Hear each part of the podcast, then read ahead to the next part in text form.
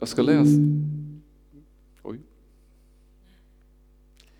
Jag ska läsa ifrån eh, Matteus, det nionde kapitlet och eh, några versar där.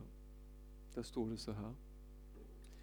Jesus fortsatte därifrån och då han såg en man som hette Matteus sitta utanför tull, tullhuset sade han till honom, följ mig. Och Matteus steg upp och följde honom. När Jesus sedan låg till bords i hans hus kom många tullindrivare och syndare dit och lade sig till bords tillsammans med honom och hans lärjungar. Fariseerna som såg det sade till lärjungarna, hur kan er mästare äta tillsammans med tullindrivare och syndare? Han hörde det och sa, det är inte de friska som behöver läkare, utan de sjuka. Gå och lär er vad som menas med orden barmhärtighet vill jag se och inte offer. Ty jag har inte kommit för att kalla rättfärdiga, utan syndare. Ja, det är kanske viktigt vem man umgås med. I alla fall tyckte fariseerna det. Så var det för dem. Det var väldigt viktigt vem man umgicks med. Man kunde ju bli orenad om man umgicks med fel människor. Och speciellt om man åt tillsammans med fel människa. Det var väldigt djupt föraktade människor som Jesus möter här. Det är nog viktigt att vi har klart för oss det. Det var människor som inte höll måttet, helt enkelt. Och där kan man kanske då förstå på något sätt den förvåning som det här väckte. För Matteus och alla de människor som var hans vänner så måste ju det här ha väckt en fascination. Förvåning där säkert också, förtjusning. När Jesus, den här kände rabbinen, den kände läraren, bestämmer sig för att komma hem till honom och äta med dem i hans hus. För den tidens religiösa ledare så var saken väldigt, väldigt klar.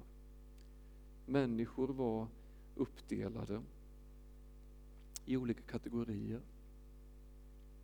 Rättfärdiga och orättfärdiga. Och man var väldigt stolt över att höra till den rättfärdiga kategorin. Det finns exempel som vi läser om i evangelierna där man kunde be att jag tackar dig Gud för att jag inte är som de där personerna. Det gällde att hålla de här andra, de som inte höll måttet, att hålla dem på avstånd helt enkelt. Och helst ville man nog egentligen bli av med dem på något sätt därför att man trodde att deras livsstil, deras orenhet hindrade Gud att gripa in och, och komma, det, låta det här messianska riket man längtade efter komma. De här människorna som inte höll måttet var ett problem för fariseerna. Men här har ju Messias kommit. Jesus talar ju om att det är han. Han är Messias. Ja, de trodde ju inte på det riktigt. Det var därför de korsfäste honom till slut.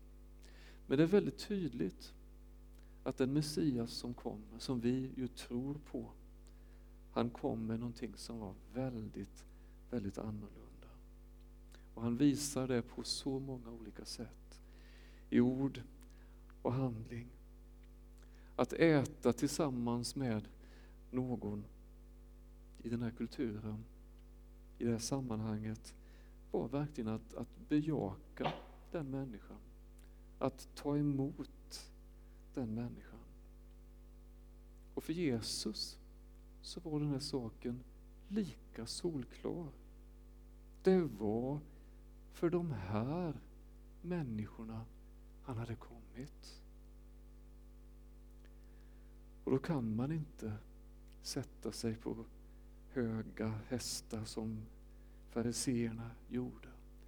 Man måste möta människorna, identifiera sig med dem, gå till dem, ta emot dem, bejaka dem. Jesus gjorde det. Jesus har inte ändrats. Jesus är likadan idag. Han ser människor.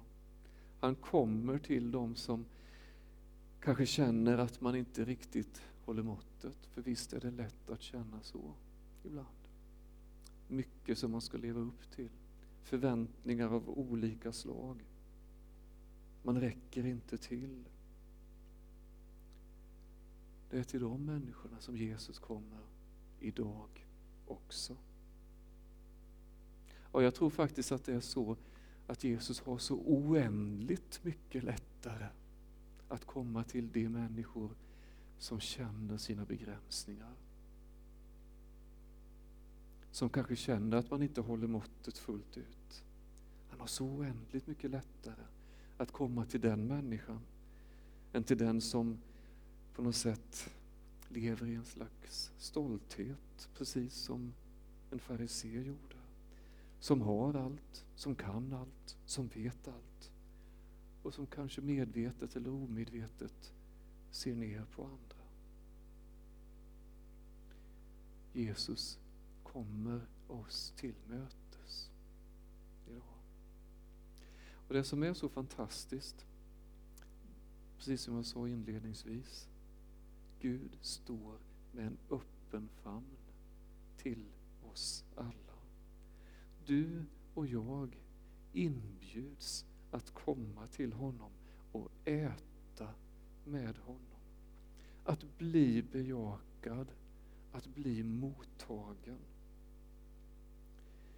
I evangelietexterna, alltså de här evangelierna som berättar om Jesus, i de texternas nattvardsberättelser så talar Jesus om den kommande måltiden med honom i Guds rike, i himmelriket. När himlen har omfamnat jorden, som är lite grann vårt tema i predikningarna på söndagarna just nu. Det som är vårt stora hopp. Det talas om måltiden som väntar. Och nattvarden som vi alldeles strax ska dela med varandra. Den firar vi till dess. Till den stora måltiden. Så nattvarden, den pekar framåt. Den är ett hoppets tecken helt enkelt. Den är en slags försmak på den stora måltiden som väntar en gång. Och det som nattvarden så tydligt visar, det är välkommen att möta Jesus. Välkommen, du är älskad. Han har gjort det här för dig. Du är bejakad, mottagen. Det är precis det som de här gåvorna, den här enkla måltiden som vi snart ska dela tillsammans. Det är det som den säger till oss.